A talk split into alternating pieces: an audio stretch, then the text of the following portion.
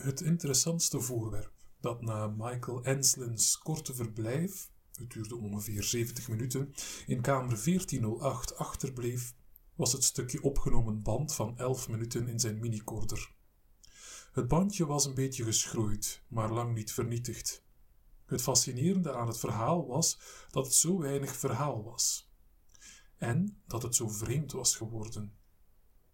Hij had de mini-recorder vijf jaar geleden cadeau gekregen van zijn ex-vrouw, met wie hij op goede voet was blijven verkeren. Op zijn eerste expeditie, de Willsby-boerderij in Kansas, had hij er pas op het laatste moment aan gedacht hem mee te nemen, samen met vijf gele schrijfblokken en een leren etui vol scherpe potloden.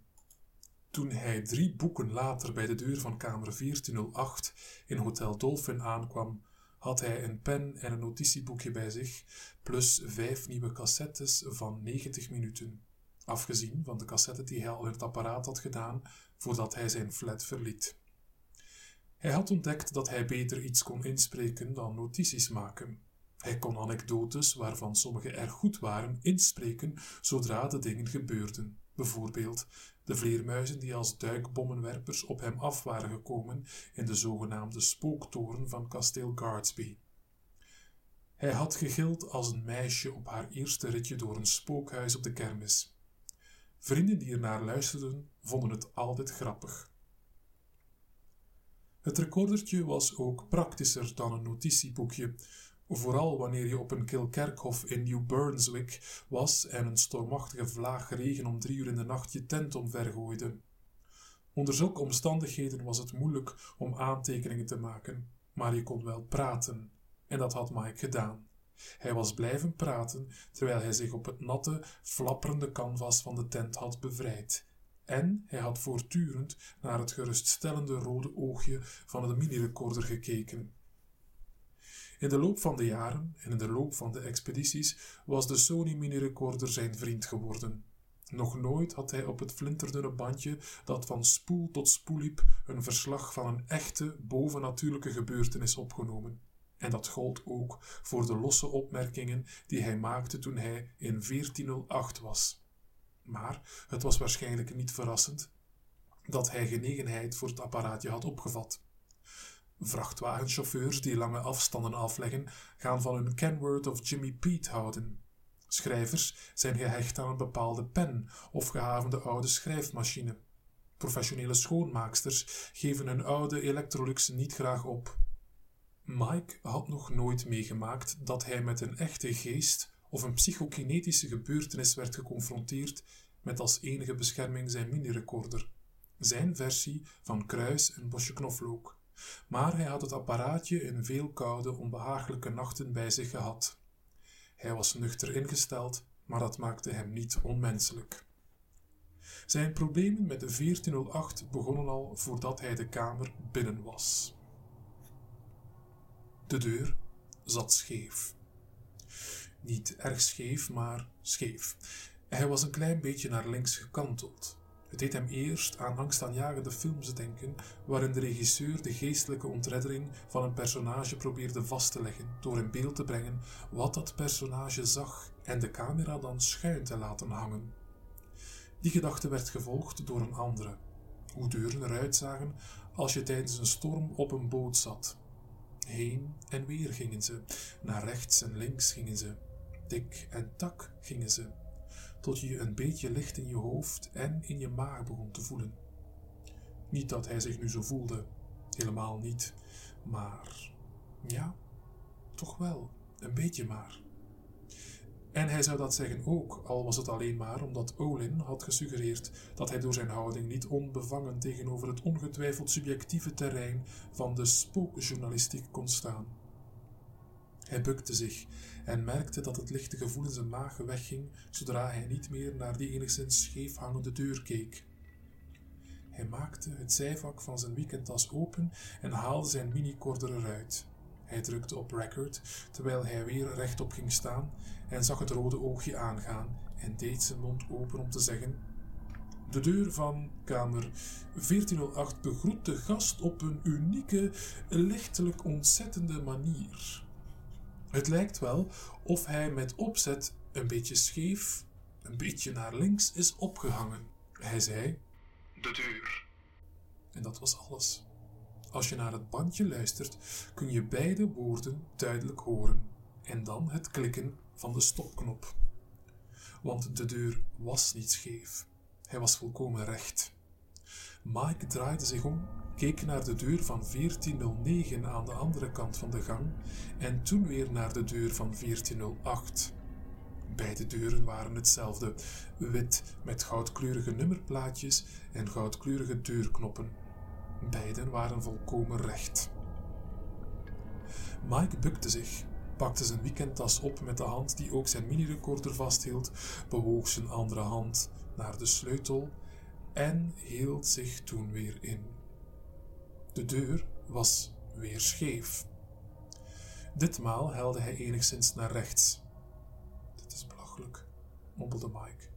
Maar dat lichte gevoel kwam alweer opzetten in zijn maag. Het was niet zoiets als zeeziekte, het was zeeziekte. Hij was een paar jaar eerder op de Queen Elizabeth II naar Engeland overgestoken. En één nacht hadden ze erg slecht weer gehad. Mike herinnerde zich vooral dat hij in zijn hut op het bed lag en voortdurend op het punt stond om over te geven, maar het nooit kon. En die misselijkheid, die duizeligheid, werd erger als je naar een deuropening keek, of een tafel, of een stoel, en hoe ze dan heen en weer gingen, naar rechts en links, tik en tak. Dit is Olin's schuld, dacht hij. Dit is precies wat hij wil. Hij heeft je ervoor klaargestoomd, jongen. Hij heeft je helemaal opgebouwd. Man, wat zou hij lachen als hij je nu kon zien. Hij onderbrak zijn gedachten, want op dat moment besefte hij dat Olin hem hoogstwaarschijnlijk echt kon zien.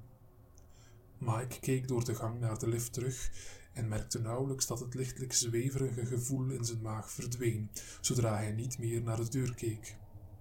Links boven de lift zag hij wat hij had verwacht: een bewakingscamera. Misschien keek een van de hotelbewakers op datzelfde moment naar hem, en Mike wilde er ook wel iets onder verwedden dat Olin daar bij hem was en dat ze allebei zaten te grijzen als apen. Dat zal hem leren hierheen te komen en ons met zijn advocaat onder druk te zetten, zegt Olin. Kijk nou eens, antwoordt de bewakingsman, breder grijnzend dan ooit. Al zo wit als een geest en heeft de sleutel nog niet eens in het slot. Je hebt hem te pakken, baas. Je hebt hem precies waar je hem hebben wilt. Dat lukt je niet, dacht Mike. Ik overnachtte in het Railsby-huis, sliep in de kamer waar minstens twee van hen gedood zijn en ik sliep echt, of je dat nu gelooft of niet. Ik bracht de nachten vlak naast Jeffrey Dahmer's graf door en twee grafstenen van dat van H.P. Lovecraft vandaan. Ik poetste mijn tanden naast het bad waarin Sir David Smythe waarschijnlijk zijn beide vrouwen heeft verdronken. Ik ben al heel lang niet meer bang voor kampvuurverhalen. Het lukt je niet. En hij keek weer naar de deur en de deur was recht. Hij bromde iets, stak de sleutel in het slot en draaide hem om. De deur ging open. Mike ging naar binnen. De deur zwaaide niet langzaam achter hem dicht toen hij naar de lichtschakelaar tastte en hij kwam dus niet in volslagen duisternis te staan. Trouwens, de lichten in het appartementsgebouw naast het hotel schenen door het raam naar binnen. Hij vond de lichtknop. Toen hij daarop drukte, ging de plafondlamp aan. Die lamp was gehuld in een verzameling hangende kristallen ornamenten. Tegelijk ging de staande lamp naast het bureau en de andere hoek van de kamer aan. Het raam bevond zich boven het bureau, zodat iemand die daar zat te schrijven zijn werk kon onderbreken om op 61st Street uit te kijken. Of erop te springen. Als hij die aanderen voelde. Maar. Mike zette zijn tas naar binnen, deed de deur dicht en drukte weer op record. Het rode lampje ging aan. Volgens Olen zijn er zes mensen uit het raam gesprongen waar ik nu naar kijk, zei hij. Maar ik neem vannacht geen duik vanaf de veertiende, eh, pardon, de dertiende verdieping van Hotel Dolphin. Er zit een ijzeren of stalen traliewerk aan de buitenkant. Je kunt nooit voorzichtig genoeg zijn. Je zou 1408 een junior suite kunnen noemen, denk ik. De kamer heeft twee stoelen, een bank, een bureau, een kast met waarschijnlijk de televisie en misschien een minibar. De vloerbedekking is onopvallend. Geen vlekje op Olins vloer. Geloof me, dat geldt ook voor het behang. Het. Wacht. Op dat moment hoort de luisteraar weer een klik op het bandje. Mike drukt op de stopknop. Het weinige dat op de band is ingesproken is fragmentarisch, in tegenstelling tot de andere ongeveer 150 bandjes die in het bezit van zijn literair agent zijn. Bovendien klinkt zijn stem steeds meer afgeleid. Het is niet de stem van iemand die aan het werk is, maar de stem van een perplex individu dat in zichzelf begint te praten zonder het te merken. Doordat de bandopname zo onvolledig lijkt en de spreker steeds meer wordt afgeleid, voelen de meeste luisteraars zich slechts op hun gemak. Vaak willen ze dat de band wordt stopgezet voordat het einde is bereikt. Alleen maar woorden op papier kunnen niet weergeven hoe de luisteraar steeds meer het gevoel krijgt een man te horen die misschien niet zijn verstand, maar dan toch wel zijn greep op de conventionele werkelijkheid heeft verloren. Toch kunnen zelfs die woorden enigszins duidelijk maken dat er iets gebeurde. Inmiddels waren Mike de schilderijen aan de muur opgevallen. Het waren er drie. Een dame in een avondjapon uit de jaren twintig die op een trap stond. Een zeilschip in de stijl van Currier Ives en een stilleven met fruit. Op dat laatste waren niet alleen de sinaasappels en bananen, maar ook de appels in een onaangename oranje-gele tint geschilderd. Alle drie schilderijen zaten achter glas en ze hingen alle drie scheef. Hij had iets over die scheefheid willen inspreken, maar wat was er zo ongewoon, zo vermeldenswaardig aan drie schilderijen die scheef hingen? Dat een deur scheef was, wel, dat had wel een beetje charme in de trant van het kabinet van dokter Caligari. Maar de deur was niet scheef geweest. Zijn ogen hadden hem even misleid. Dat was alles.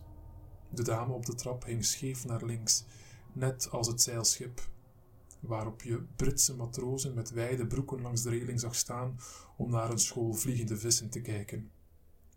Het oranje-gele fruit, maar ik had het gevoel dat de fruitschaal geschilderd was in het licht van een verstikkende tropenzon, een woestijnzon van Paul Bowles, hing naar rechts.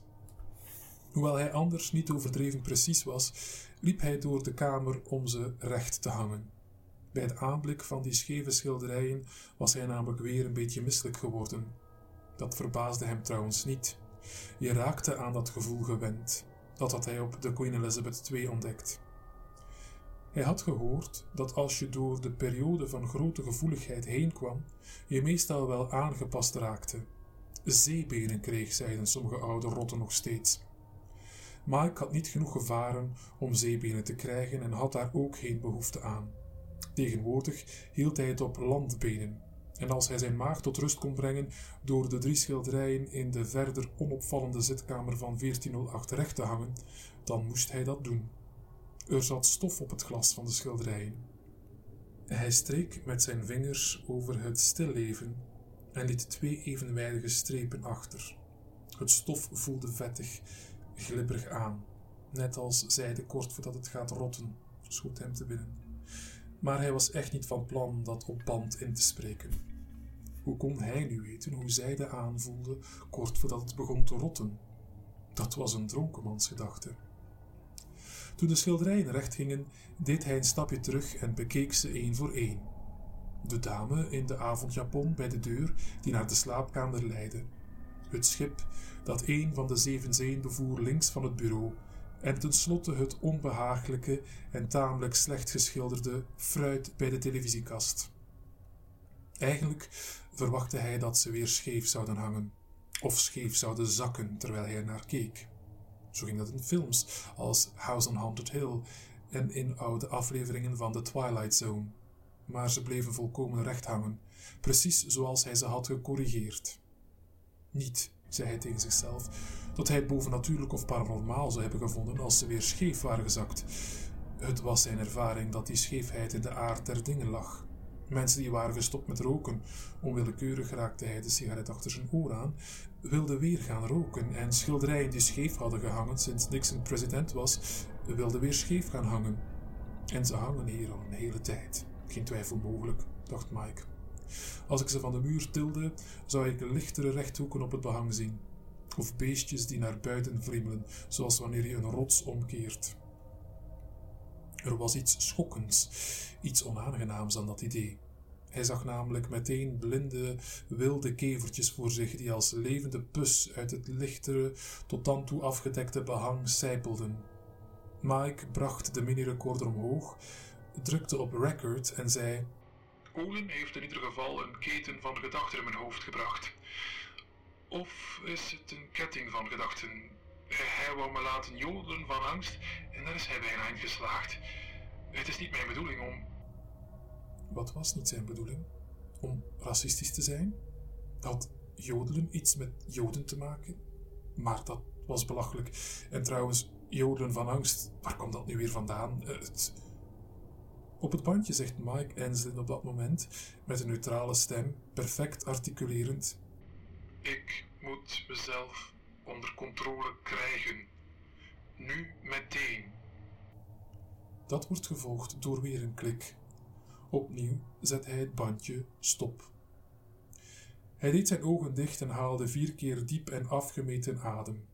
Hij hield de lucht steeds vijf tellen binnen en ademde dan weer uit. Zoiets was hem nog nooit eerder overkomen. Niet in de huizen waar het zogenaamd spookte, niet op kerkhoven waar het zogenaamd spookte, niet in de kastelen waar het zogenaamd spookte. Het voelde niet aan alsof die hier spookte. Tenminste, zo stelde hij zich spookverschijnselen niet voor. Dit voelde meer aan alsof hij stoned was van slechte, goedkope doop. Dit heeft Olin gedaan. Olin heeft je gehypnotiseerd, maar je zult je eruit losbreken. Je zult de komende nacht in deze kamer doorbrengen, verdraai het nog aan toe, en niet alleen omdat het de beste plaats is waar je ooit bent geweest. Ook als je Olin er buiten laat, heb je al zo ongeveer genoeg materiaal voor het spookverhaal van het decennium. Maar vooral omdat Olin niet mag winnen. Olin en zijn kletspraatjes over die dertig mensen die in deze kamer zijn gestorven. Ze mogen niet winnen. Ik ga, ik ga hier over, de kletspraatjes, dus adem nu maar in en adem in en uit. In en uit. Zo ging het bijna anderhalve minuut door en toen hij zijn ogen weer opendeed, voelde hij zich normaal. De schilderijen aan de muur, nog recht. Het fruit in de schaal, nog oranje-geel en lelijker dan ooit. Het was natuurlijk woestijnfruit. Je at er één stukje van en je zat te schijten tot het pijn deed. Hij drukte op record. Het rode oogje ging aan. Ik was een paar minuten een beetje duizelig, zei hij. Hij liep door de kamer naar het bureau en het raam met de beschermende traliewerken aan de buitenkant. Misschien komt het door Olins sterke verhalen, maar ik zou kunnen geloven dat hier een echte aanwezigheid is. Hij voelde natuurlijk helemaal niet zoiets, maar dat dat eenmaal op de band stond, kon hij zo ongeveer alles schrijven wat hij wilde. De lucht is muf en niet vies of bedorven. Olin zei dat de kamer bij elke beurt wordt gelucht, maar dat is steeds maar even. En ja, het is hier muf. Hé, hey, wat hebben we daar? Er stond een asbak op het bureau. Een van die kleine dingen van dik glas die je vroeger overal in hotels zag. En er lag een luciferboekje in. Op de voorkant stond Hotel Dolphin. Voor het hotel stond een glimlachende portier in een erg ouderwets uniform met schouderstukken, goudkleurige gallons en een pet die eruit zag alsof hij in een homobar thuis hoorde. Op het hoofd van een motorrijder, die verder alleen nog een paar zilveren lichaamsringen droeg. Over Fifth Avenue voor het hotel reden auto's uit een andere tijd heen en weer. Packards en Hudsons, Studebakers en Chrysler New Yorkers met grote vinnen. Het Lucifer-boekje in de asbak ziet eruit alsof het uit ongeveer 1955 afkomstig is, zei Mike, en hij stak het in de zak van zijn Hawaïaanse geluksshirt. Ik houd het als souvenir. En nu is het tijd voor een beetje frisse lucht. Er is een dof geluid te horen als hij de mini-recorder neerlegt, vermoedelijk op het bureau. Dan is het even stil, gevolgd door vage geluiden en wat moeizaam gekreun. Daarna is het weer even stil en dan is er een piepend geluid. Gelukt, zegt hij. Dat is een eindje van de microfoon vandaan, maar daarna is hij dichterbij. Gelukt. herhaalde Mike en hij pakte de minicorder van het bureau. De onderste helft wilde niet in beweging komen. Het lijkt wel of hij dichtgetimmerd zit, maar de bovenste helft kwam goed naar beneden. Ik kan het verkeer op Fifth Avenue horen en er gaat iets geruststellends van al die loeiende klaksons uit. Iemand speelt op een saxofoon, misschien voor het plaza, twee blokken verderop en aan de overkant van de straat. Dat doet me denken aan mijn broer. Mike zweeg abrupt en keek naar het rode oogje. Het leek hem te beschuldigen. Broer? Zijn broer was dood. Een van de vele soldaten die in de tabaksoorlog waren gesneuveld. Toen ontspande hij.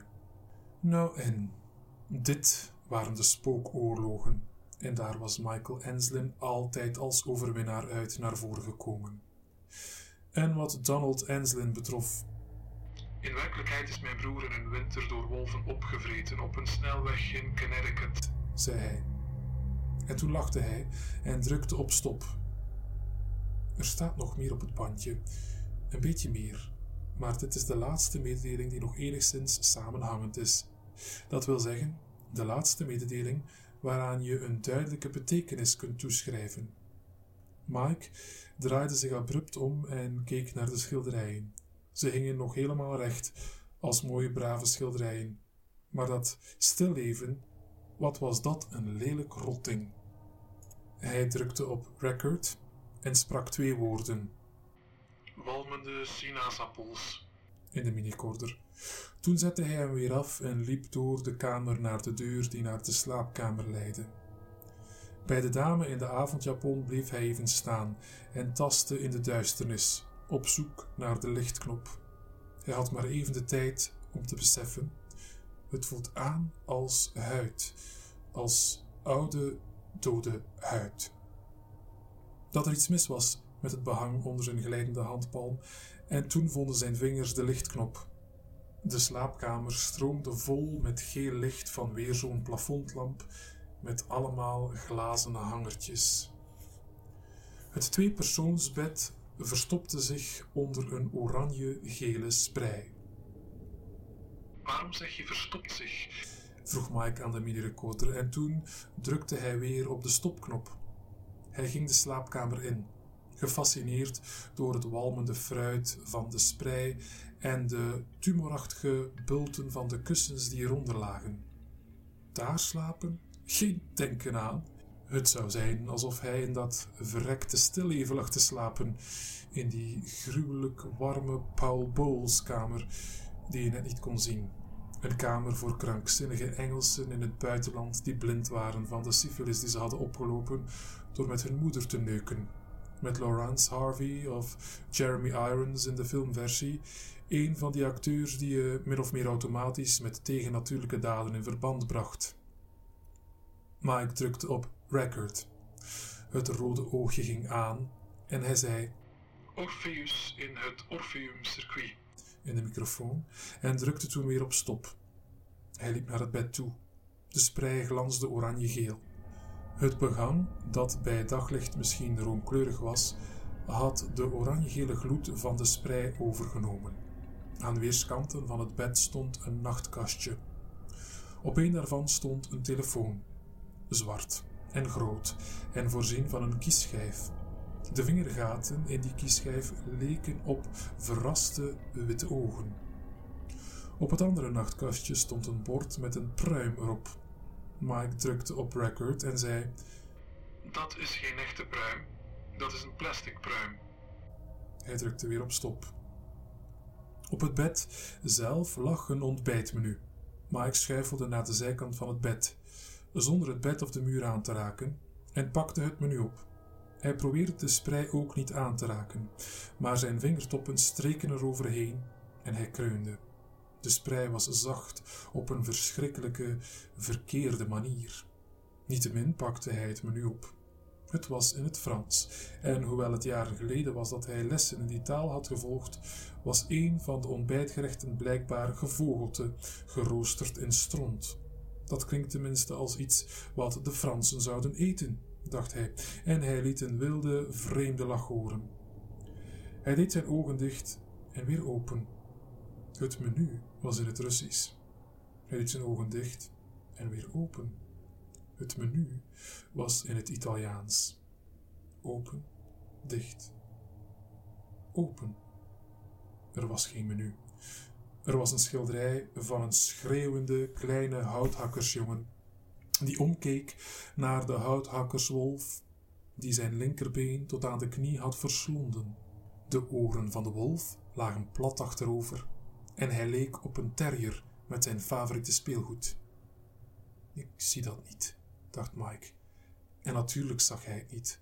Zonder zijn ogen dicht te doen, zag hij keurige regels in het Engels, en op elke regel stond een verleidelijk ontbijtgerecht: eieren, wafels, verse bessen, geen vogels die in stront geroosterd waren. En toch. Hij draaide zich om en schuifelde heel langzaam uit de beperkte ruimte tussen de muur en het bed vandaan, een ruimte die nu zo smal als een graf aanvoelde. Zijn hart sloeg zo hard dat hij het niet alleen in zijn borst, maar ook in zijn hals en polsen voelde. Zijn ogen pulseerden in hun kassen. Kamer 1408 was verkeerd.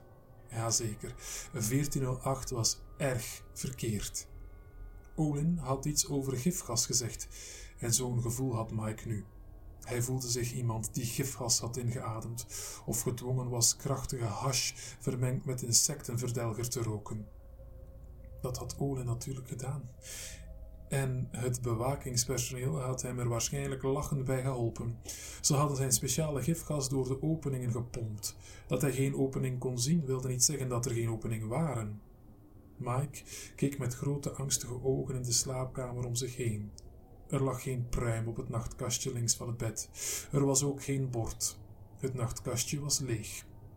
Hij draaide zich om, begon naar de deur van de zitkamer te lopen, maar bleef toen staan. Er hing een schilderij aan de muur. Hij wist het niet absoluut zeker. In de staat waarin hij nu verkeerde wist hij zelfs zijn eigen naam niet zeker, maar hij was er vrij zeker van dat daar geen schilderij had gehangen toen hij net was binnengekomen. Het was een stilleven. Een enkele pruim lag op een bord in het midden van een oude planken tafel. Het licht dat over de pruim en het bord viel was koortsig oranje-geel. Tango-licht, dacht hij. Het soort licht dat de doden uit hun graven laat opstaan om de tango te dansen. Het soort licht. Ik moet hier weg, fluisterde hij, en hij strompelde de zitkamer weer in. Hij merkte dat zijn schoenen vreemde, zuigende geluiden begonnen te maken, alsof de vloer zacht werd. De schilderijen in de huiskamer hingen weer scheef en er was nog meer veranderd. De dame op de trap had het bovenste deel van haar japon omlaag getrokken en haar borsten ontbloot. Ze hield er een in elke hand. Aan elke tepel hing een druppel bloed. Ze keek recht in Mike's ogen en grijnsde hem woest toe.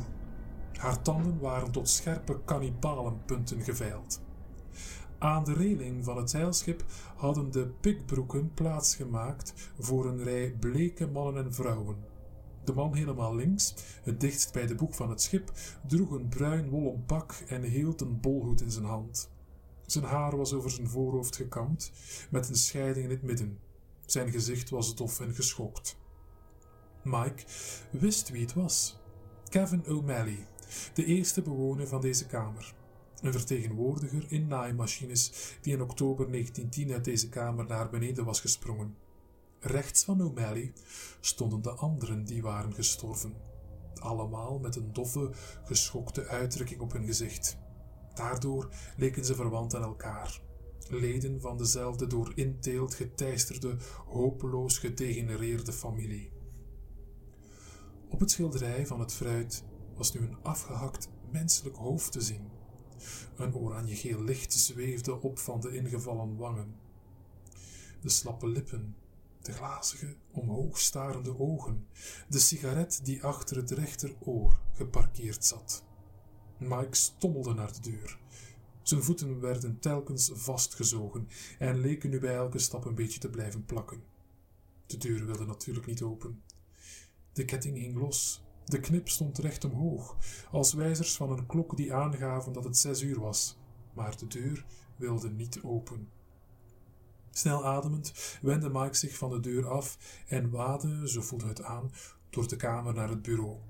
Hij zag dat de gordijnen naast het raam dat hij op een kier had gezet troosteloos heen en weer bewogen, maar hij voelde geen frisse lucht op zijn gezicht. Het was of de kamer de lucht opslokte. Hij hoorde nog klaksons op Fifth Avenue, maar die waren nu erg ver weg. Hoorde hij de saxofoon nog steeds? Zo ja, dan had de kamer alles wat daar lieflijk en melodieus aan was ook opgeslokt en alleen een atonaal schril geluid overgelaten, als de wind die over een gat in de hals van een dode blaast, of over een frisdrankfles vol afgehakte vingers, of... Hoop, probeerde hij te zeggen, maar hij kon niet meer spreken. Zijn hart hamerde in een verschrikkelijk tempo. Als het nog veel sneller ging, zou het exploderen. Zijn mini-recorder, trouwe metgezel op veel expedities, had hij niet meer in zijn hand. Hij had hem ergens achtergelaten. In de slaapkamer? Als de mini-recorder in de slaapkamer was, zou hij nu waarschijnlijk weg zijn, opgeslokt door de kamer. Als hij was verteerd, zou hij waarschijnlijk op een van de schilderijen worden afgescheiden. Hijgend, als een hardloper die bijna op het eind van een lange wedstrijd is, bracht Mike zijn hand naar zijn borst, alsof hij zijn hart op die manier tot rust kon brengen. In de linkerborstzak van zijn opzichtige shirt vond hij de kleine rechthoekige vorm van de mini-recorder.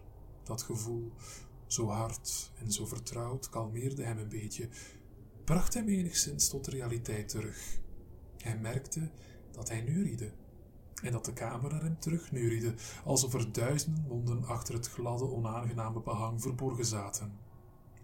Hij was zich ervan bewust dat zijn maag nu van pure misselijkheid in zijn eigen vettige hangmat leek te schommelen. Hij voelde dat de lucht met de zachte proppen tegen zijn oren drukte en dat deed hem denken aan het spul waar toffees van gemaakt worden voordat het gestold is.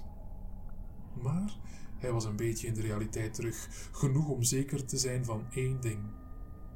Hij moest om hulp roepen, zolang het nog kon. De gedachte aan Olin die grijnsde, neerbuigend, zoals een New Yorkse hotelmanager dat kan. En, ik zei toch, zij zat hem niet meer dwars. En het idee dat Olin deze vreemde gewaarwordingen en gruwelijke angst met chemische middelen had opgewekt, was helemaal uit zijn hoofd verdwenen. Het was de kamer. Het was deze vervloekte kamer. Hij wilde zijn hand naar de ouderwetse telefoon uitsteken, die identiek was aan de telefoon in de slaapkamer om de horen van de haag te grissen. In plaats daarvan zag hij als in een delirium zijn arm in slow motion naar de tafel afdalen. Die arm leek zo sterk op de arm van een duiker dat hij bijna verwachtte er luchtbellen van te zien opstijgen. Hij sloot zijn vingers om de hoorn en pakte hem op. Zijn andere hand ging al even nadrukkelijk naar beneden en draaide de nul. Toen hij de hoorn tegen zijn oor hield, hoorde hij een serie klikken de kiesschijf draaide naar zijn oorspronkelijke positie terug. Het klonk als het rad van fortuin. Wilt u draaien of wilt u de puzzel oplossen? Vergeet niet, als u de puzzel probeert op te lossen en het lukt niet, dan leggen we u naast een snelweg in Connecticut in de sneeuw en komen de golven opeten. Hij hoorde aan de andere kant van de lijn geen toestel overgaan. In plaats daarvan hoorde hij opeens een barse stem. Dit is negen. Negen. Dit is negen. Negen. Dit is tien. Tien. We hebben je vrienden gedood. Elke vriend is nu dood. Dit is zes. Zes.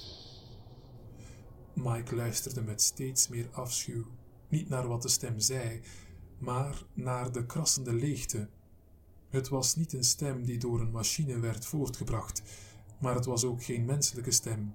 Het was de stem van de kamer.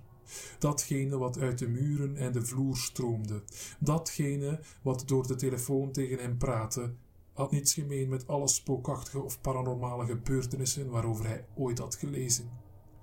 Er was hier iets dat niet van deze wereld was. Nee, het is er nog niet, maar het komt. Het heeft honger en, jij bent avondmaal. De hoorn viel uit zijn verslappende vingers en hij draaide zich om.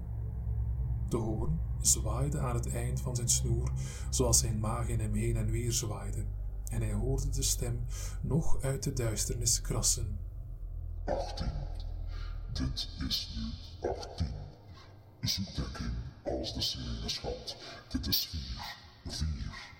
Hij merkte niet dat hij de sigaret achter zijn oor vandaan haalde en in zijn mond stak. Of dat hij het luciferboekje met de ouderwets uitgetoste portier erop uit het rechterborstzakje van zijn felgekleurde shirt pakte. Merkte niet dat hij na negen jaar eindelijk had besloten weer een sigaret op te steken. De kamer was begonnen te smelten. De kamer zakte uit zijn rechte hoeken en rechte lijnen weg. Niet in curven, maar in vreemde moorse bogen, die pijn deden aan zijn ogen. De glazen kroonluchter in het midden van het plafond begon als een dikke klodder spuug naar beneden te zakken. De schilderijen begonnen te buigen, begonnen de vorm aan te nemen van de voorruiten van oude auto's. Achter het glas van het schilderij bij de deur die naar de slaapkamer leidde, draaiden de jaren twintig vrouwen met hun bloedende tepels en grijnzende kannibalentanden zich snel om en renden de trap op. Ze deden dat met de schokkerige, koortsachtige hoge kniebewegingen van een vamp in een stomme film. De telefoon bleef knarsen en sputteren, en de stem die eruit kwam was nu de stem van een elektrische haarknipper die heeft leren praten. Vijf, vijf, dit is vijf, vijf, negeer de sirene. Zelfs als u deze kamer verlaat, kunt u deze kamer nooit verlaten. Acht, acht, dit is acht, acht. De deur naar de slaapkamer en de deur naar de hal waren bezig om laag te zakken. Ze werden breder in het midden en vormden deuropeningen voor wezens met een onuitsprekelijke vorm. Het licht begon fel en heet te worden en vulde de kamer met die oranje-gele gloed. Nu zag hij ook scheuren in het behang, zwarte poriën die al snel in monden overgingen. De vloer zakte omlaag, vormde een holte en nu hoorde hij het komen. Datgene wat zich in de kamer achter de kamer bevond. Het ding in de muren, de eigenaar van die vreemde stem. Zes, zes, schreeuwde de telefoon. Zes, zes, dit is, dit is, dit is de zes, zes. Hij keek naar het luciferboekje in zijn hand. Het luciferboekje dat hij uit de asbak in de kamer had gepakt. Die rare oude portier, die rare oude auto's met hun grote kromen grillen en woorden die langs de onderkant renden, woorden die hij in lange tijd niet had gezien, want tegenwoordig zat het strookje waarover je de lucifer moest strijken altijd op de achterkant. Sluit dit boekje alvorens de lucifers aan te strijken, zonder er bij na te denken. Hij kon niet meer denken, rukte Mike Enslin een lucifer uit het boekje en liet op hetzelfde moment de sigaret uit zijn mond vallen. Hij streek de lucifer aan en hield hem bij de andere lucifers in het boekje. Er volgde een geluid, met een sterke geur van brandende zwavel die naar zijn hoofd steeg als een teug vlugzout. De luciferkoppen vlamden fel op, en toen hield Mike, zonder er bij na te denken, het opvlammende luciferboekje tegen de voorkant van zijn shirt. Dat shirt was een goedkoop ding dat in Korea, Cambodja of Borneo was gemaakt en nu oud was. Het vatte meteen vlam. Voordat de vlammen voor zijn ogen konden oplaaien en de kamer nog instabieler zouden maken, zag Mike het duidelijk, als iemand die uit een nachtmerrie is ontwaakt en ziet dat diezelfde nachtmerrie overal om hem heen is. Zijn hoofd was helder. De krachtige zwavellucht en de hitte die plotseling van zijn shirt opsteeg, hadden daarvoor gezorgd. Maar de kamer had nog steeds dat krankzinnige, moorse aanzien. Of eigenlijk was moors niet het juiste woord. Het kwam niet eens in de buurt, maar het was het enige woord dat zelfs maar enigszins kon aanduiden wat in die kamer gebeurd was, wat nog steeds gebeurde. Hij bevond zich in een smeltende, rottende grot vol krullen en vegen en scheve standen. De deur naar de slaapkamer was de deur naar een soort sarcofaag geworden. En links van hem, waar het schilderij met het fruit had gehangen, bolde de muur naar hem op, er zaten lange spleten in de muur, gapend als monden, openingen naar een wereld van waaruit nu iets naderde. Mike Enslin hoorde een slopperende, gretige ademhaling en hij rook ook iets levends, iets gevaarlijks. Het rook een beetje als het leeuwenhuis in de De vlammen schroeiden de onderkant van zijn kin en verdreven alle gedachten uit zijn hoofd. De hitte die van zijn brandende shirt opsteeg, bracht hem weer in de realiteit terug. En toen de scherpe geur van zijn geroosterde borsthaar tot hem doordrong, rende Mike over het scheefhangende kleed naar de deur van de gang. Uit de muren zweette nu een zoemend geluid als van een insect. Het oranje-gele licht werd gestaag feller, alsof een hand aan een onzichtbare thermostaat draaide. Maar toen hij deze keer bij de deur aankwam en de knop omdraaide, ging de deur open. Het was of het ding achter de oppollende muur geen behoefte had aan een brandende man. Misschien hield het niet van gaar vlees. In een populair liedje uit de jaren 50 zeggen ze dat liefde de wereld laat draaien, maar misschien speelt het toeval een grotere rol.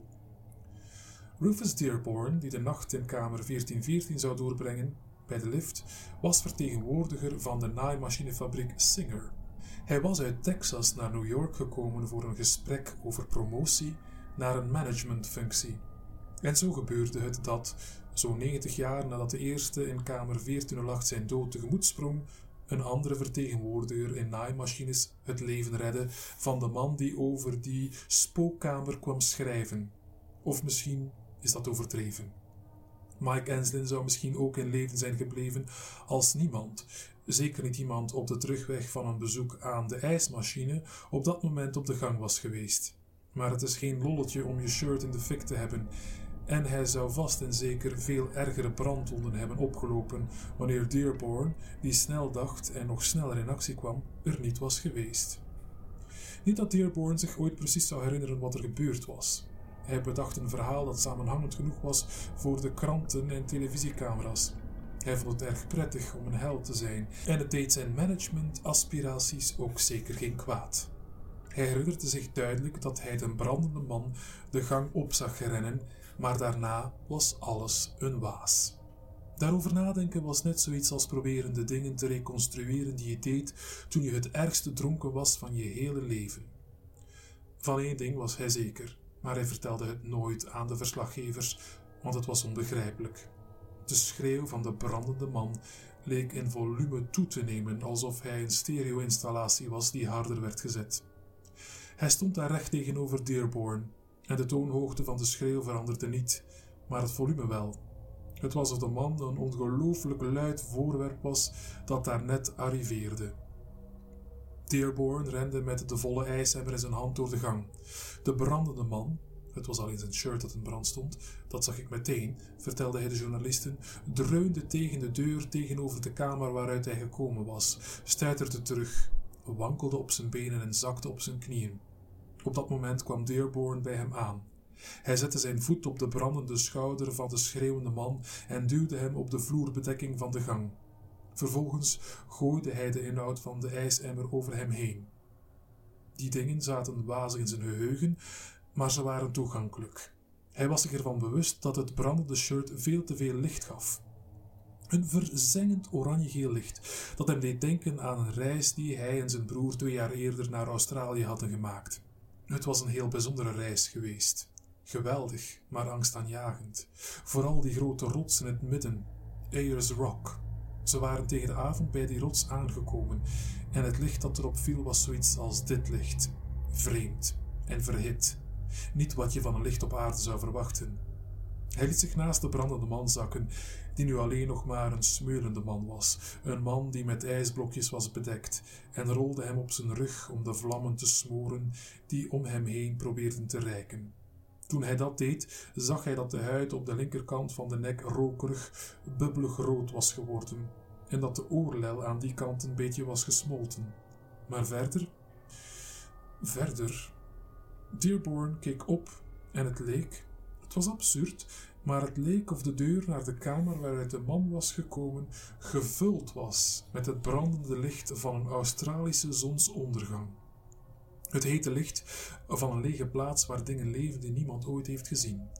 Het was verschrikkelijk, dat licht. En het lage gezoem als een elektrische haarknipper die wanhopige pogingen doet om te spreken. Maar het was ook fascinerend. Hij wilde daar naar binnen gaan.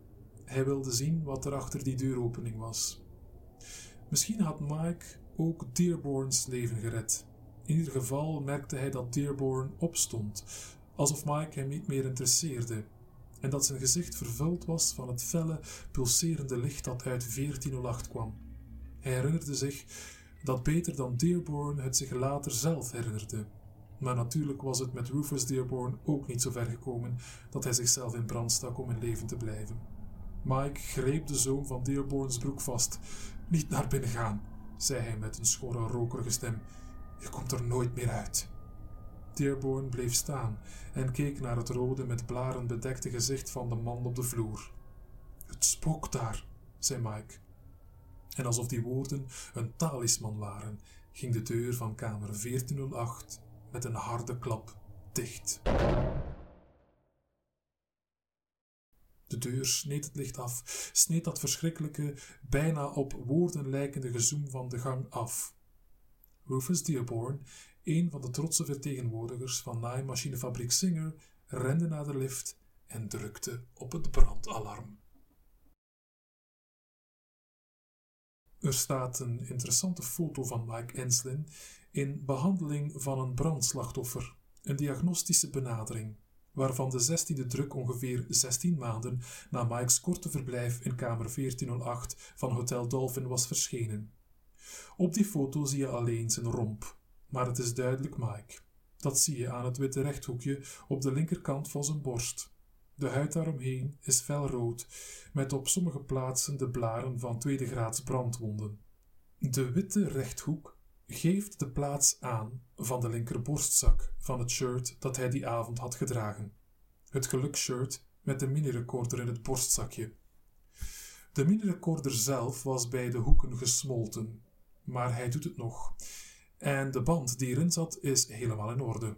Maar de dingen die erop staan zijn niet in orde. Nadat hij er drie of vier keer naar had geluisterd, gooide Mike's agent Sam Farrell hem in zijn muurkluis. Hij weigerde stil te staan bij het kippenvel dat hij overal op zijn gebruinde, magere armen kreeg. En het bandje is niet meer uit die muurkluis gekomen. Farrell heeft er geen enkele behoefte aan om het eruit te pakken en nog eens af te spelen. Niet voor hemzelf, niet voor zijn nieuwsgierige vrienden, van wie sommigen een moord zouden begaan om het te mogen horen. De uitgeversbranche in New York is een klein wereldje en nieuws doet snel de ronde. Hij houdt niet van Mike's stem op het bandje. Hij houdt niet van de dingen die de stem zegt. In werkelijkheid is mijn broer in een winter door wolven opgevreten op een snelweg in Connecticut. Wat betekent dat nou weer?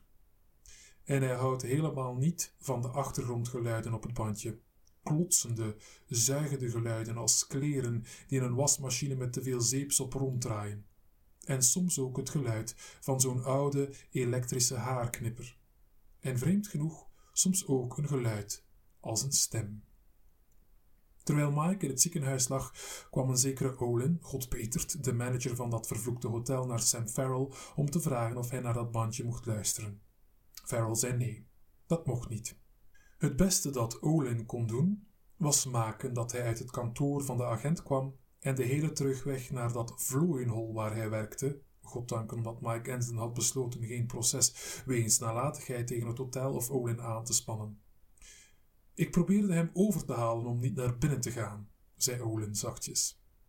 Het grootste deel van zijn werktijd luisterde hij naar vermoeide reizigers en kribbige gasten die over van alles klaagden, van hun kamer tot en met de keuze van tijdschriften in de kiosk. En Farrell's vijandige houding deed hem dan ook niet veel. Ik heb alles geprobeerd wat in mijn macht lag. Als iemand die avond nalatig is geweest, meneer Farrell, dan was het uw cliënt.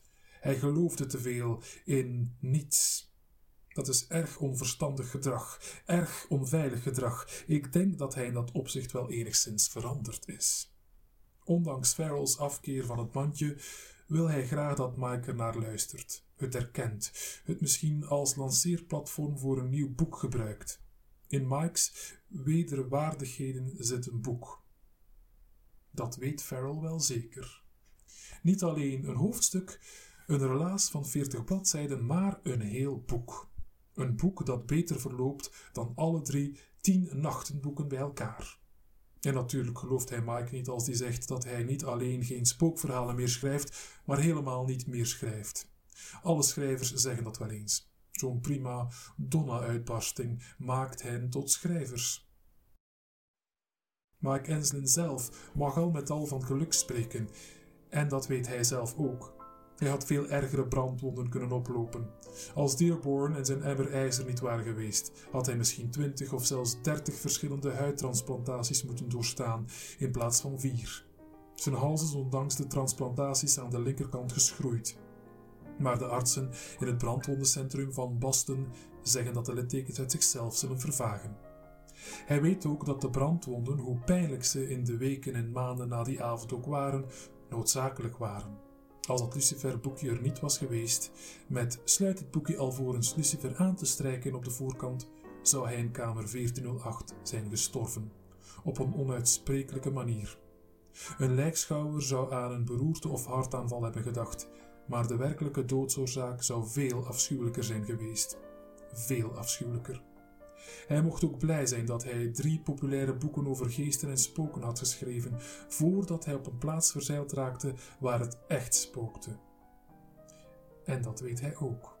Sam Farrell mag dan niet geloven dat zijn leven als schrijver voorbij is, maar dat hoeft hij ook niet te geloven.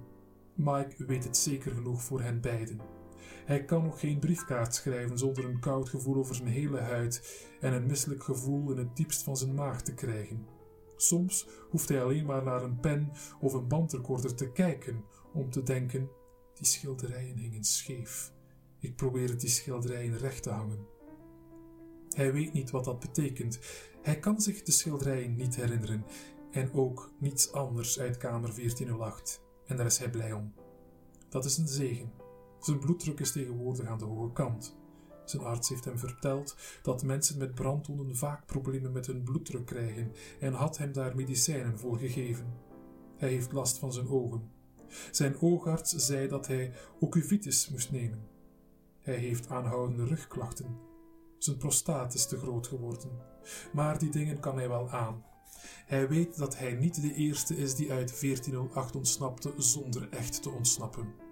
Olin probeerde hem dat te vertellen, maar het had nog erger gekund. In ieder geval kan hij zich niets herinneren. Soms heeft hij nachtmerries, tamelijk vaak zelfs. Maar hij kan zich er bijna nooit iets van herinneren als hij wakker wordt.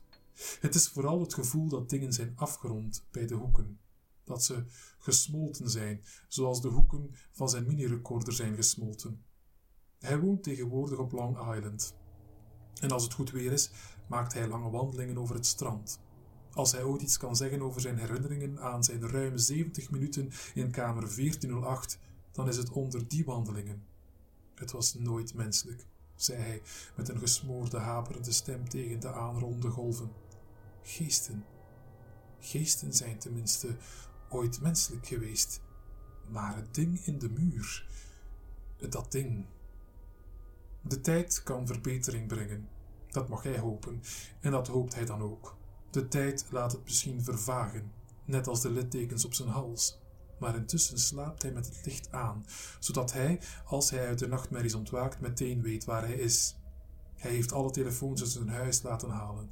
Ergens, net onder de plek waar zijn bewuste geest nog kan komen, is hij bang dat hij de telefoon opneemt en een zoemende, onmenselijke stem hoort snauwen. Dit is negen.